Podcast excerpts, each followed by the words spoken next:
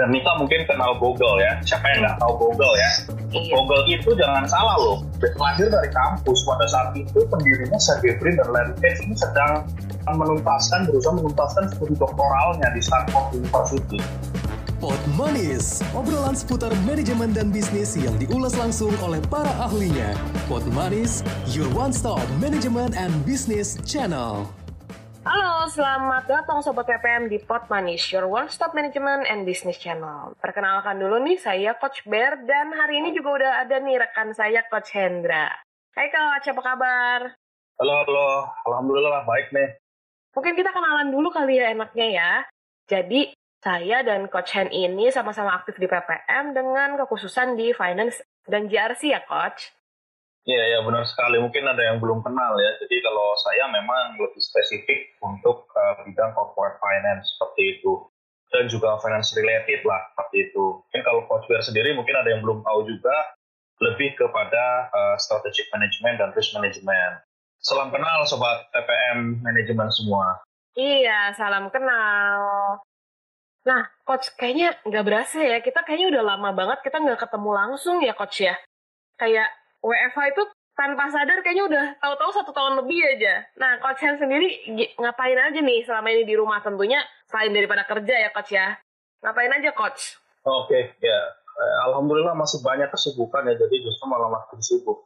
Yang pasti yang pertama tuh bantu-bantu istri masak-masak di rumah, sama beres-beres itu rumah udah jadi gitu. job baru ya. Betul. Terus yang kedua itu ya terkait dengan apa namanya pengembangan expertise keprofesian nih. Saya Hmm. sedang belajar untuk CFA level 3 dan ada beberapa kerjaan kecil sih dari teman di Jogja ngajakin untuk bikin partnership di bidang eh, konsultansi tapi bidang quantitative finance. Kira-kira kayak gitu. Nah, kalau coach Fer sendiri kira-kira gimana nih? Gila, Coach Hen produktif banget ya, sangat bermanfaat. Beda banget nih kayaknya saya, kalau saya tuh selain kerja ya jempolnya aja aktif nih buat scrolling-scrolling ya kan. Belanja online gitu kan. Refreshing dikit ngelihatnya e-commerce gitu kan. Nah mungkin ada nggak nih sobat manajemen semua yang sama kayak saya? Rasanya tuh karena ini ya Coach ya, kayaknya rasanya kalau makin WFH ini kan kita makin dimanjakan gitu kalau dengan adanya ekosistem digital terus teknologi kita nggak usah ngapa-ngapain barangnya dateng gitu kan. Tapi ya mungkin daripada cuman kita ngomongin dunia perbelanjaan online aja gitu. Ya mungkin seru kali ya coach. Kalau kita di episode kali ini kita ngomongin tentang tech company startup. Wede, itu kayaknya lagi hot-hotnya karena di Indonesia ini kayaknya mau masuk ke lantai bursa ya nggak sih coach? Iya benar banget. Di Indonesia memang baru dapetin momennya ini sekitar mungkin ya saya kata tiga tahun belakangan ini ya walaupun di negara tetangga kita kayak sama-sama negara maju itu seperti India dan juga Filipina itu udah berlangsung sejak 10 tahun yang lalu. Hmm. seperti itu. Tapi di Indonesia memang ini eh, baru masuk sekitar tiga tahun belakangan ini. Tapi menurutku yang jadi pertanyaan ini adalah mungkin yang terlalu apa namanya mungkin mungkin sangat menarik untuk dibahas adalah apakah perusahaan-perusahaan ini ini eh, layak nggak sih dibeli? Karena kan nanti kan kalau masuk di bursa, praktis kan ditawarkan ke investor publik nih kayak kita kita. Nah, Nah, ini menarik nggak nih ya. dibeli? Ini kalau menurut saya nih yang menarik perbincangannya ke arah sana gitu. Betul, menarik banget ya. Tapi kan mungkin ya, kalau sebelum kita coba gali lebih dalam ya, kalau layak apa nggak layak, itu kan mungkin ada pertimbangan-pertimbangannya. Nah sebelum itu, eh, mungkin kita bahas dulu kali ya, Coach sebenarnya nih, kalau trennya, tadi Coach sempat ngomongin nih, kalau di, di Indonesia nih kayaknya mungkin baru-baru, kalau di, di luar itu udah mungkin udah beberapa tahun sebelumnya. Nah, kalau kita lihat dari pasar modal aja, Coach ya, kalau dari segi tren, mungkin kalau di US sana contohnya itu lebih didominasi sama saham-saham dari perusahaan teknologi gitu ya. Nah, kalau di Indonesia kan sejauh ini mungkin yang saya tahu masih didominasi oleh perbankan ya. Nah, kalau menurut coach sendiri sebenarnya gimana sih? Apakah Indonesia ada tren ke arah sana gitu ya yang nantinya mungkin ada prospek akan didominasi oleh perusahaan tech juga atau gimana coach? Oke, eh, sebelum kita masuk lebih jauh, kita bedah dulu nih. Kenapa kok Indonesia baru mulai sekitar tiga tahunan belakangan ya agak kalah Hmm. dengan tetangga-tetangga kita? Yang Nah. pertama karena memang proses pencatatan saham perdana untuk perusahaan di bursa itu memang baru bisa dikatakan apa namanya ramah terhadap startup itu sekitar ya tiga tahun belakangan lah. Dan Oh. kalau tadi Coach Pierre bilang yang dikatakan lebih didominasi oleh perbankan, ya sebenarnya mungkin um, perlu saya koreksi lagi itu sebenarnya lebih kepada peer-to-peer lending ya. Mirip juga sih bisnisnya dengan perbankan, tapi mereka menamainya adalah peer-to-peer lending itu paling banyak seperti itu. Selain itu juga uh, ada e-commerce. Ya kalau kita lihat di sini paling enggak nih ada sejak awal tahun 2018 atau 2017 sampai akhir tahun 19 2019 itu paling tidak udah ada 8 perusahaan tech startup yang Hmm. masuk melalui registrasi papan akselerasi. Jadi uh, ini adalah suatu mekanisme khusus untuk perusahaan masuk ke bursa. Jadi nggak harus Oh. seperti perusahaan-perusahaan lain seperti itu. Dan uh, apa namanya kalau kita lihat 2017 itu ada Kioson Komersial Indonesia, ada MKS Integrasi yang baru-baru ini terkenal karena di apa namanya di influence oleh satu orang artis ya. Kemudian ada juga distribusi voucher Nusantara, NFC Indonesia, Yellow Integra, Intel Daves, Televas, dan Digital Media Tama Maksima. Ya rata-rata mungkin segmennya ya dekat-dekat e-commerce gitulah. Gitu. Iya. Jadi sebenarnya kita udah mulainya dari tahun 2017 gitu ya coach ya? 2017 sudah mulai. Iya. Nah, coach, apakah ini juga karena didorong oh kayaknya salah satu mimpi atau goalnya dari startup itu karena IPO gitu. Apakah itu jadi jadi dorongan juga kar- eh, dengan maraknya IPO ini gitu atau gimana coach? Ya, jadi gini, em, startup sebenarnya inginnya itu scale up, jadi besar Hmm. dan stabil dan menghasilkan. Nah, kalau IPO itu sebenarnya maunya venture capitalnya. Gitu. Hmm. IPO sendiri ini kalau kalau saya lihat ini adalah satu mekanisme exit investasi dari venture capital yang paling preferable. Jadi Hmm. karena hype-nya gede gitu ya, itu bisa membawa gengsi tersendiri untuk venture capital yang nge-backup si startup-nya.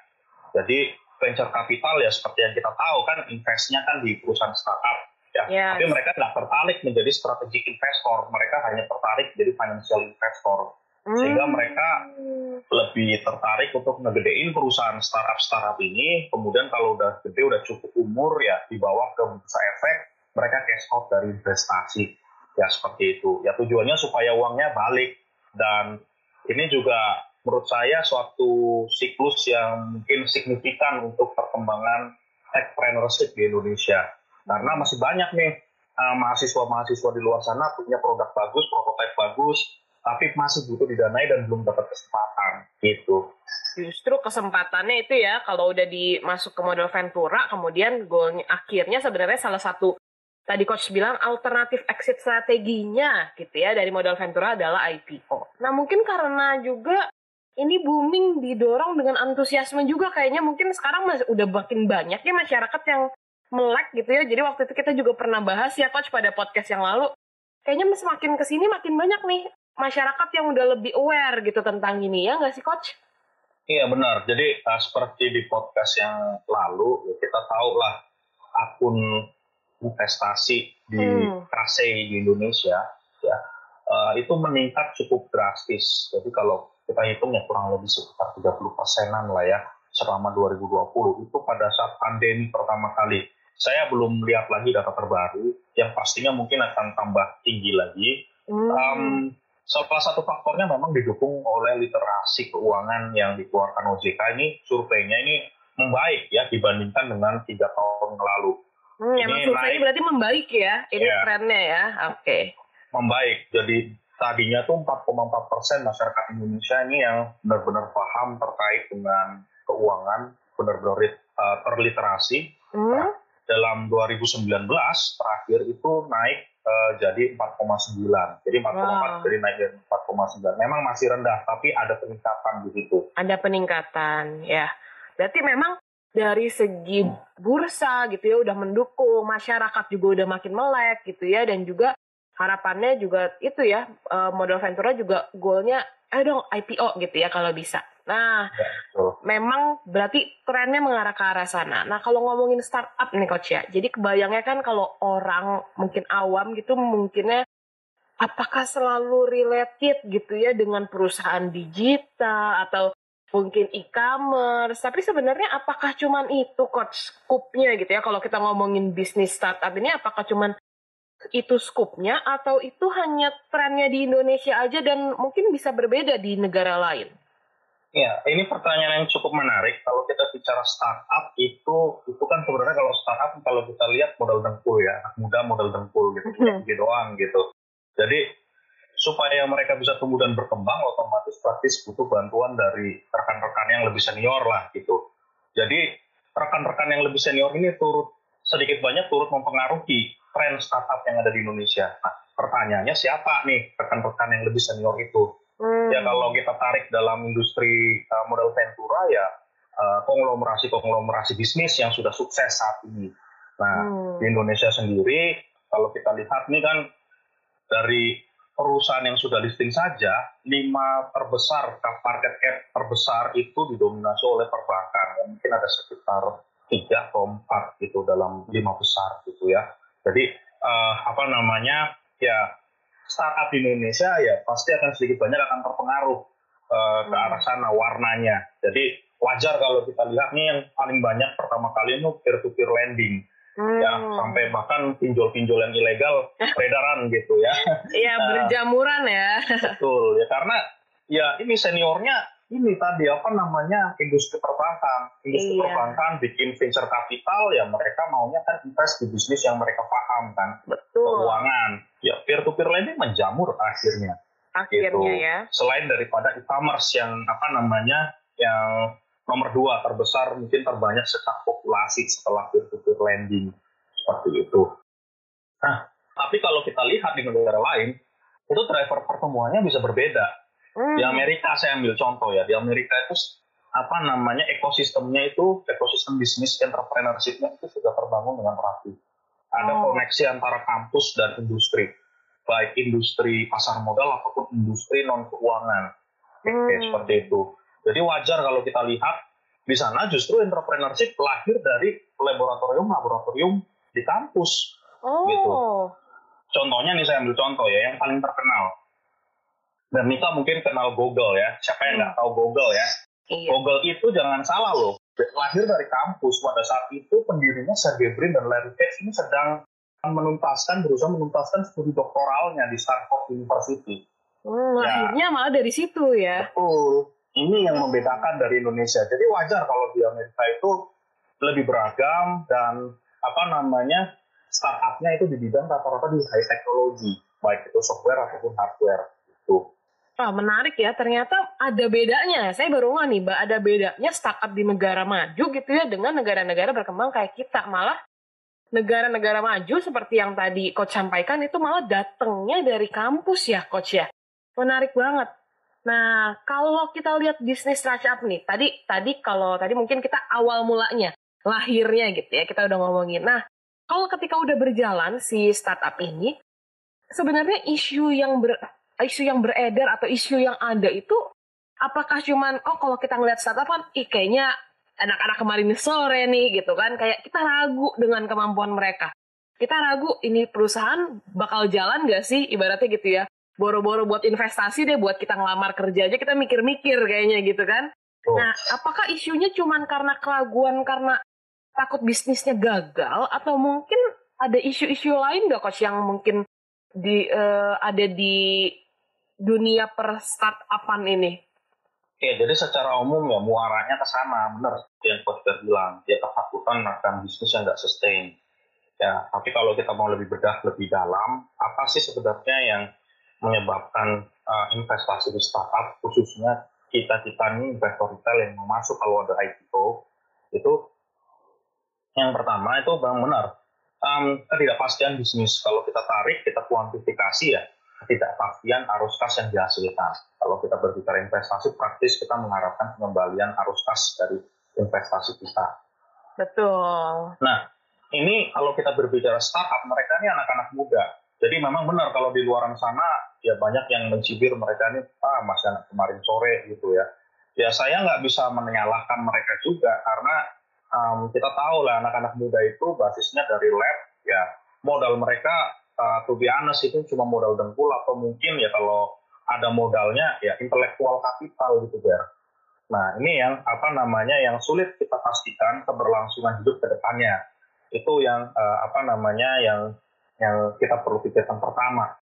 Selain itu ada isu seperti key person effect. Nah, key person effect ini kayak gimana? Nah, kita tahu sendiri yang namanya startup itu umumnya berdiri dari satu kelompok orang saja. Ya, paling ya kalau paling sedikit itu ya dua orang lah, bisa tiga okay. atau lebih seperti itu. Iya, yeah, iya. Yeah. Ya, contohnya Google ya yang didirikan oleh Sergey Brin dan Larry Page. Cisco oleh Sandy Lerner dan Leonard Bosak, lalu Apple, Steve Jobs dan Steve Wozniak, ya, kayak gitu. Ide-ide filosofis pengembangan bisnis bisa jadi 100% hanya mereka yang paham. Nah, ini bisa dibayangkan jadi biar ya. Kalau misalkan dua orang ini kemudian kita sudah masuk tiba-tiba mereka ngabur gitu ya. Karena jadi, jiwanya ada di mereka ya. Ini ini yang yang perlu kita pikirkan gitu loh. Betul. perusahaan ini menjadi kosong nanti nggak ada jiwa lagi gitu loh. Mm-hmm. apalagi kalau uh, fase perusahaannya masih embrionik. Nah ini kan masih penting peran serta mereka untuk membesarkan perusahaan itu. Lalu yang ketiga ini ada masalah information asymmetric kalau kita hmm. bicara IPO nih. Nah ini mungkin masih teman-teman masih ada yang asing ya dengan information asymmetric. Ya ini memang nama lainnya Akerlof Lemon. Ini dipopulerkan sekitar tahun 70-an oleh peneliti MIT George Akerlof ya, yang kelak dia akan meraih Nobel bidang ekonomi gitu. Jadi ide gagasan ini kayak kayak gini um, visi atau founder itu ibarat sebagai penjual, ya penjual prospek usaha mereka, ya gampangnya seperti itu. Mereka itu ya praktis kalau dibandingkan dengan kita nih outsider, mereka memiliki informasi yang lebih lengkap tentang baik buruknya perusahaan mereka dibanding udah kenal banget gitu ya ibaratnya ya. Betul. Nah sehingga dalam kasus uh, di pasar jika ada banyak apa namanya perusahaan-perusahaan yang berkualitas dan perusahaan-perusahaan yang tidak berkualitas artinya ya kita ambil aja yang berkualitas itu uh, pitch yang tidak berkualitas lemon ya kata asem gitu mm-hmm. dijual kepada calon pembeli. Ya, kita calon pembeli ini nggak ngerti. Ada banyak pilihan lemon dan pitch tapi kita nggak ngerti mana yang lemon mana yang pitch mm. gitu.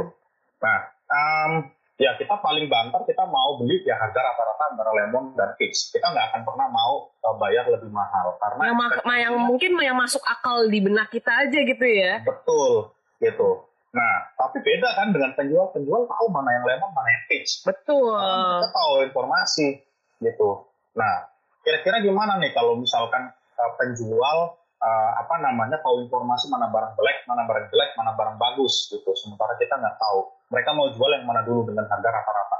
Hmm. Biar Mika coba tebak. Pilih yang mana penjual akan jual dulu.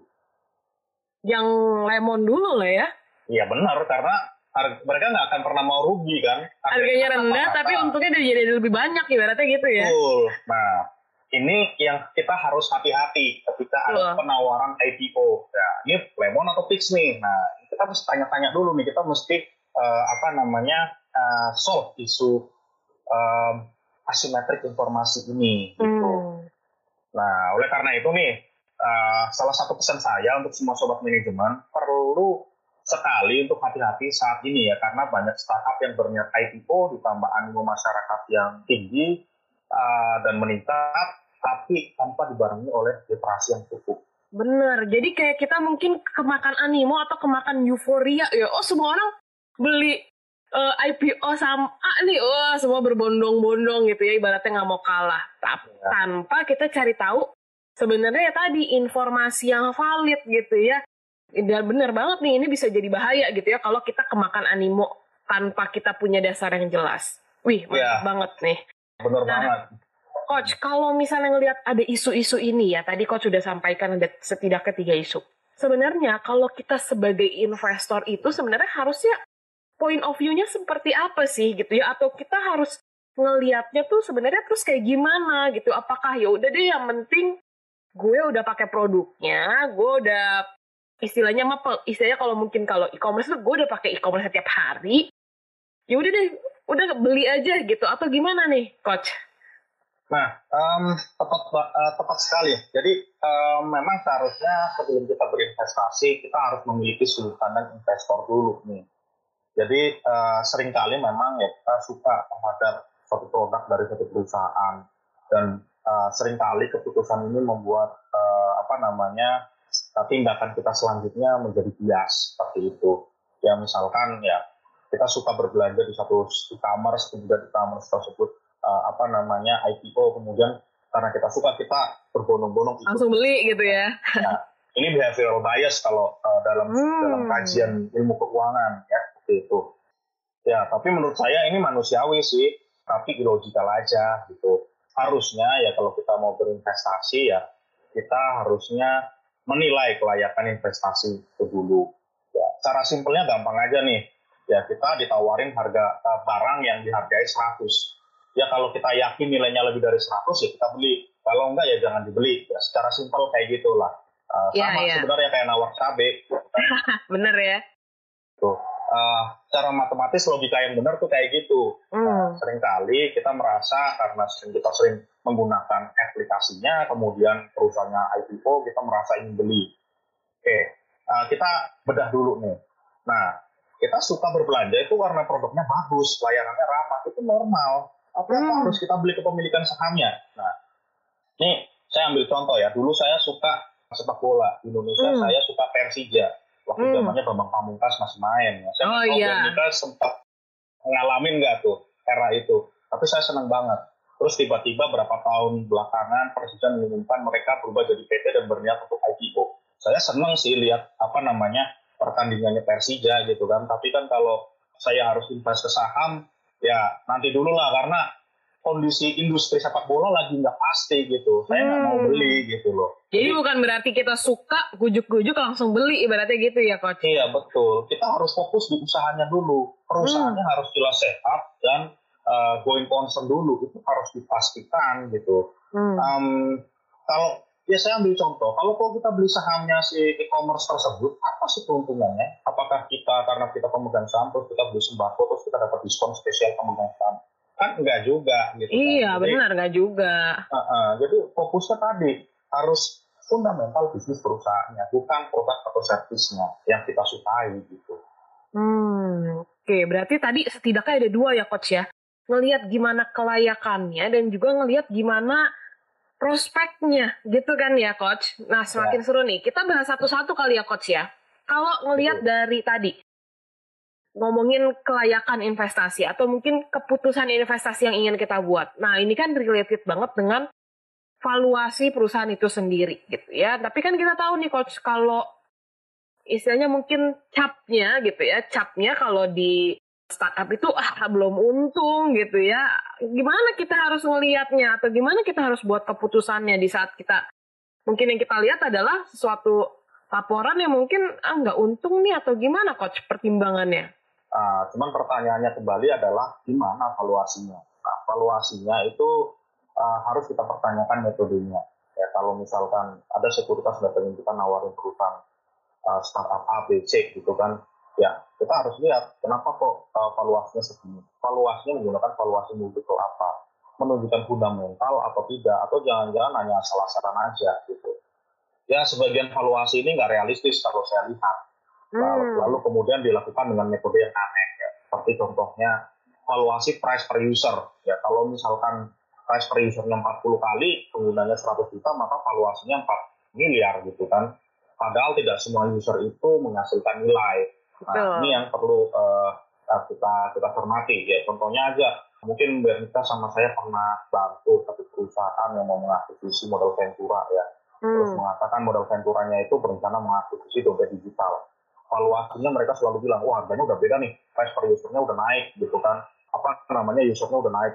Nah, kalau kalau saya pertanyaan dipertanyakan lagi, user itu pakai nggak? Kalau saya sih sering download download dompet digital tapi nggak saya top up, saya nggak pakai.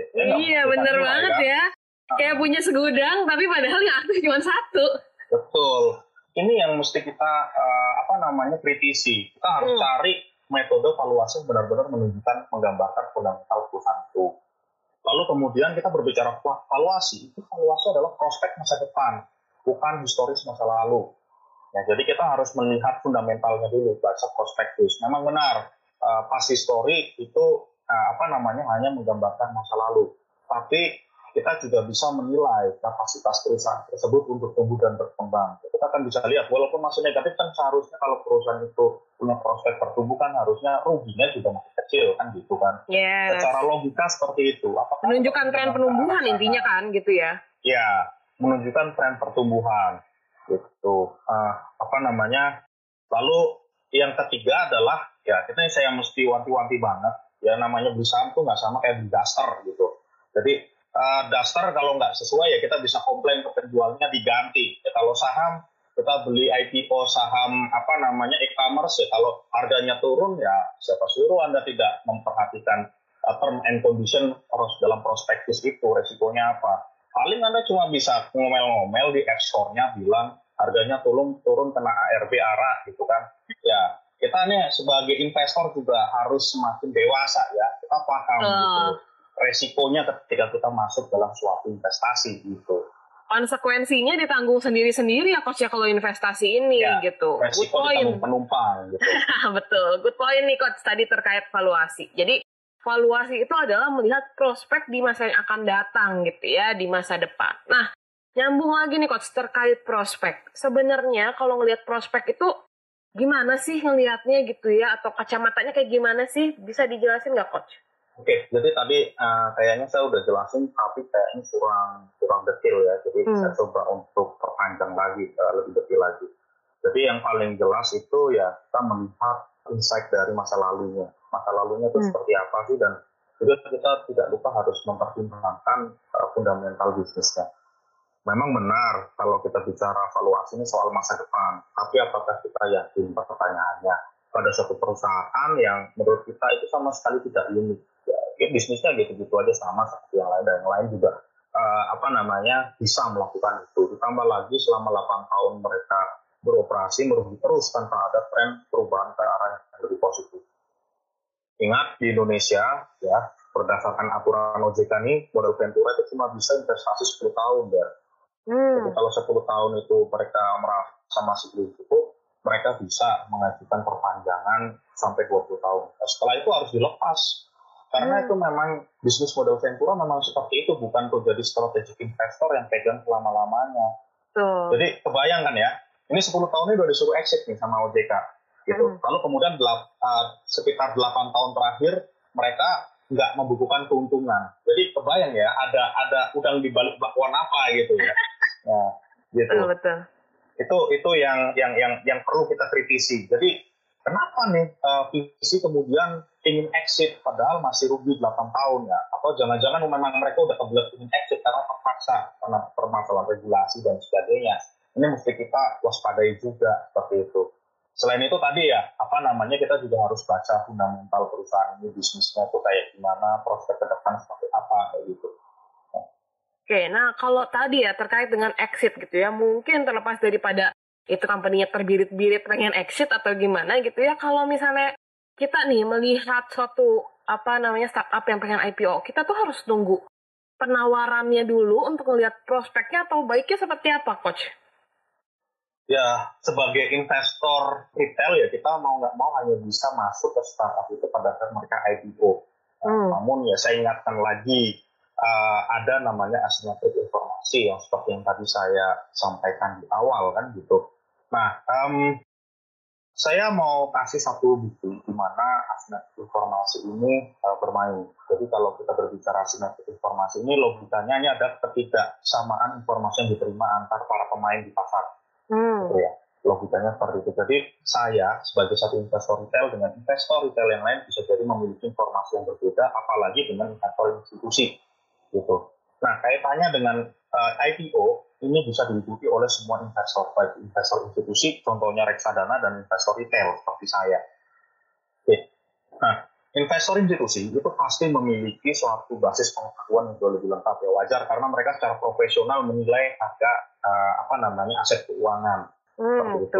Dan ini pernah disampaikan juga dalam satu riset ya yang meneliti Gibson, Safiri, dan Sontig dalam Journal Financial Economics uh, di tahun 2004 mereka akan mereka bilang kayak gini kalau investor institusi itu paham ada suatu penawaran yang memang benar-benar berprospek dan bagus mereka pasti akan ikut nggak tanggung tanggung mereka masuk gitu tapi sebaliknya kalau memang mereka menganggap uh, apa namanya suatu perusahaan ini dianggap tidak berprospek, jelek, mereka sama sekali nggak akan itu.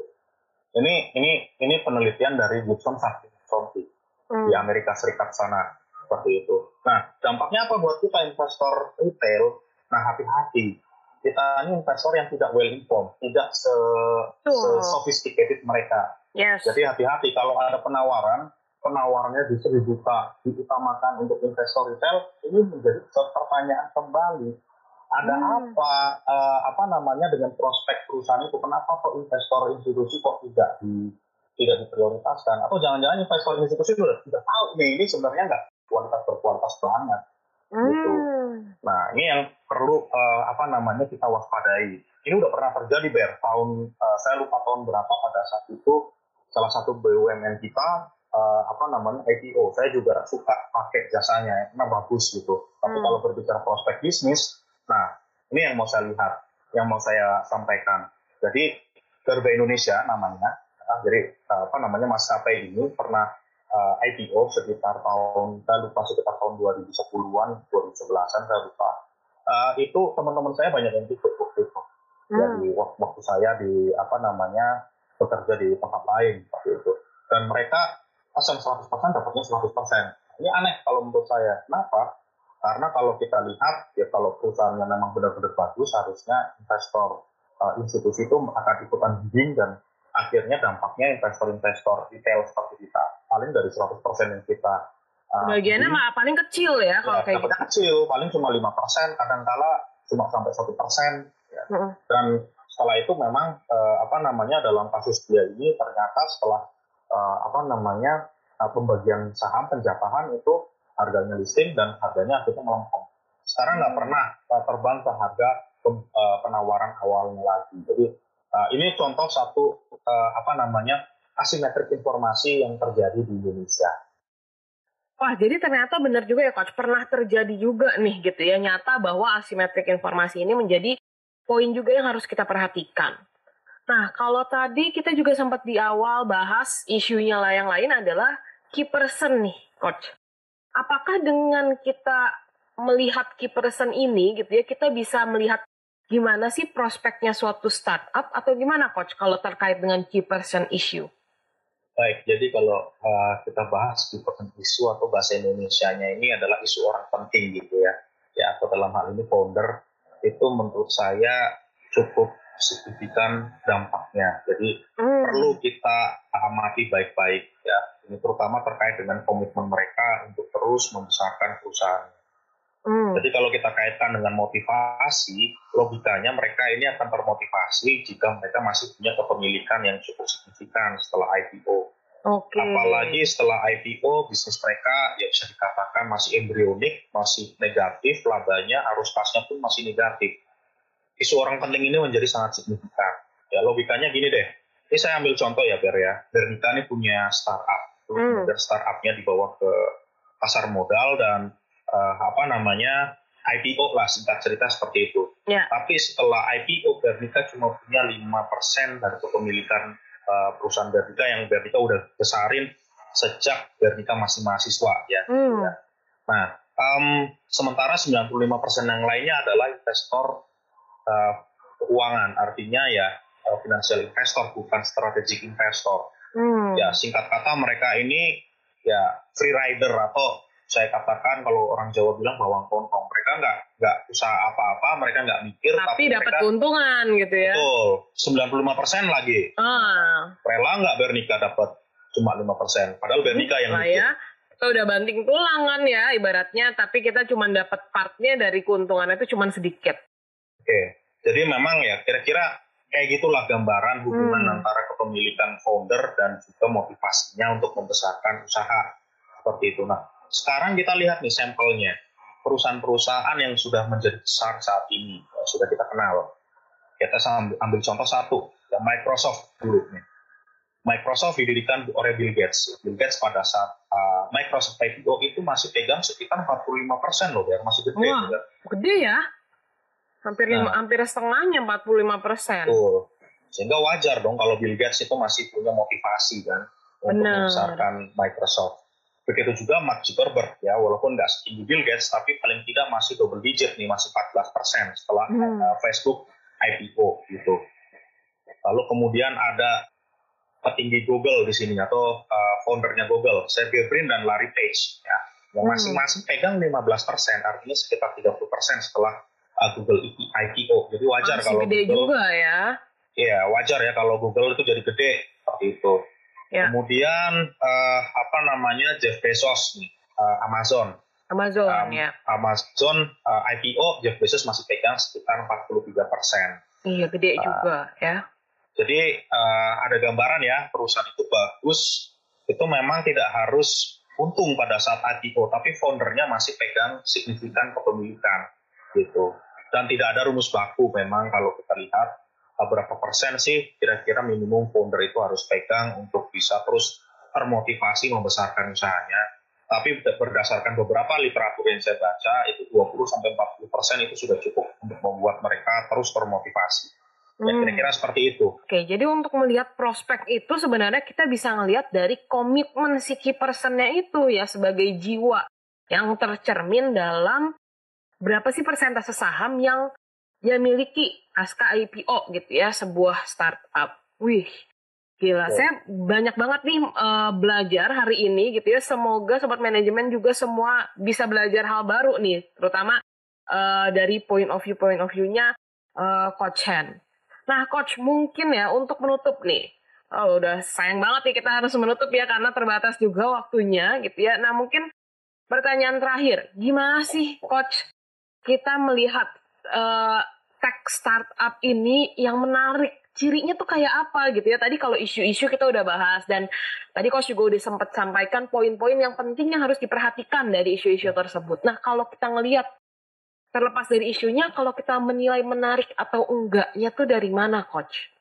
Baik uh, ini versi saya ya biar ya. Uh, apa namanya memang kalau saya biasanya menerapkan ada tiga indikator fundamental utama yang pertama nih kita berbicara bisnis itu berbicara masalah going concern artinya berbicara prospek jangka panjang.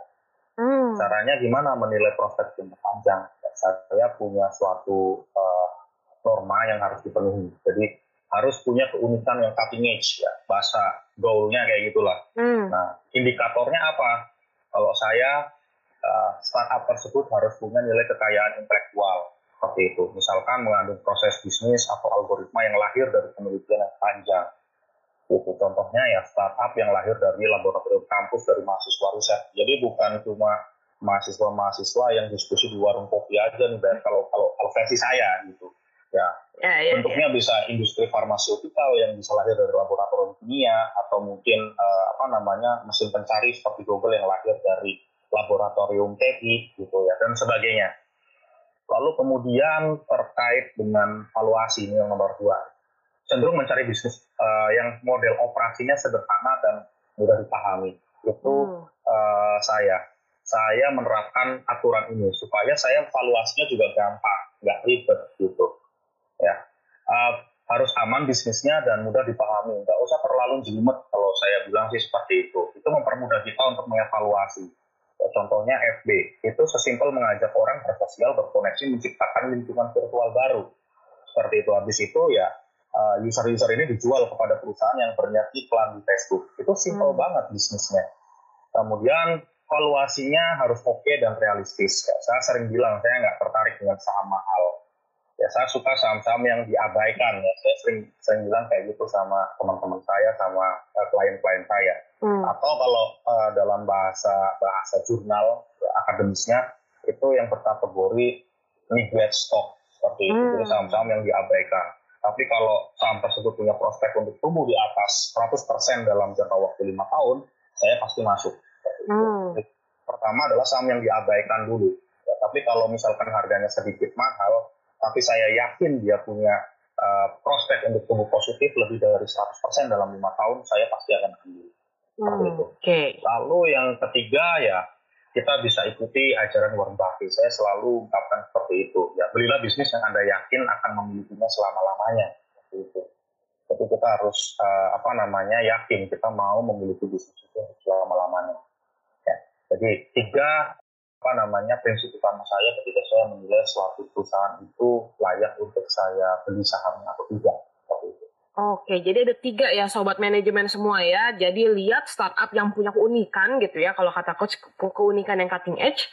Dan juga cari yang model operasinya bisa kita pahami, yang sederhana yang bisa kita pahami. Dan kalau beli itu usahakan gitu ya, kita bisa kalau yang bisa kita bayangkan kita punya dalam jangka panjang. Kalau kata bahkan kalau kata Warren Buffett itu selama-lamanya gitu ya tadi.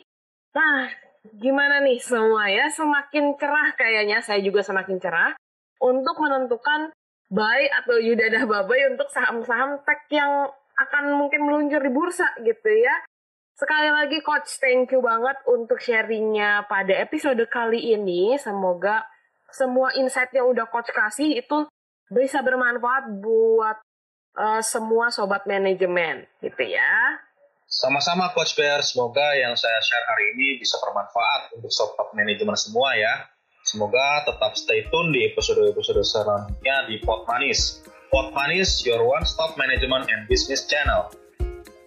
Hey hey hey, jangan lupa follow akun sosial media kami di Instagram at info seminar PPM dan juga Facebook publikasi dan seminar PPM. Untuk saran dan pertanyaan seputar Pot Manis, Sobat PPM bisa email ke potmanisppm at gmail.com.